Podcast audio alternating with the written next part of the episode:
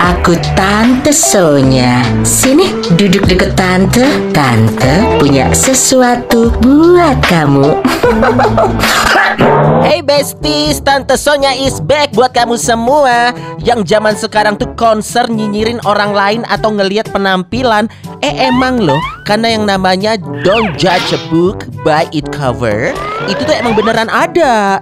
Tapi ada kalanya kita juga nggak bisa menahan diri ya kan? Apalagi kalau ternyata sosoknya itu ih mukanya pengen dibahas. Dan ada juga tuh pepatah yang bilang Jangan memandang orang dari wajahnya Tapi sekarang sepertinya harus tuh besties.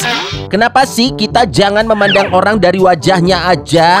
Karena di zaman sekarang kita juga harus memandang orang ke lehernya Tangannya atau kakinya Siapa tahu beda warna. Berarti skincare-nya nggak merata. Ah, Nyinyir, canda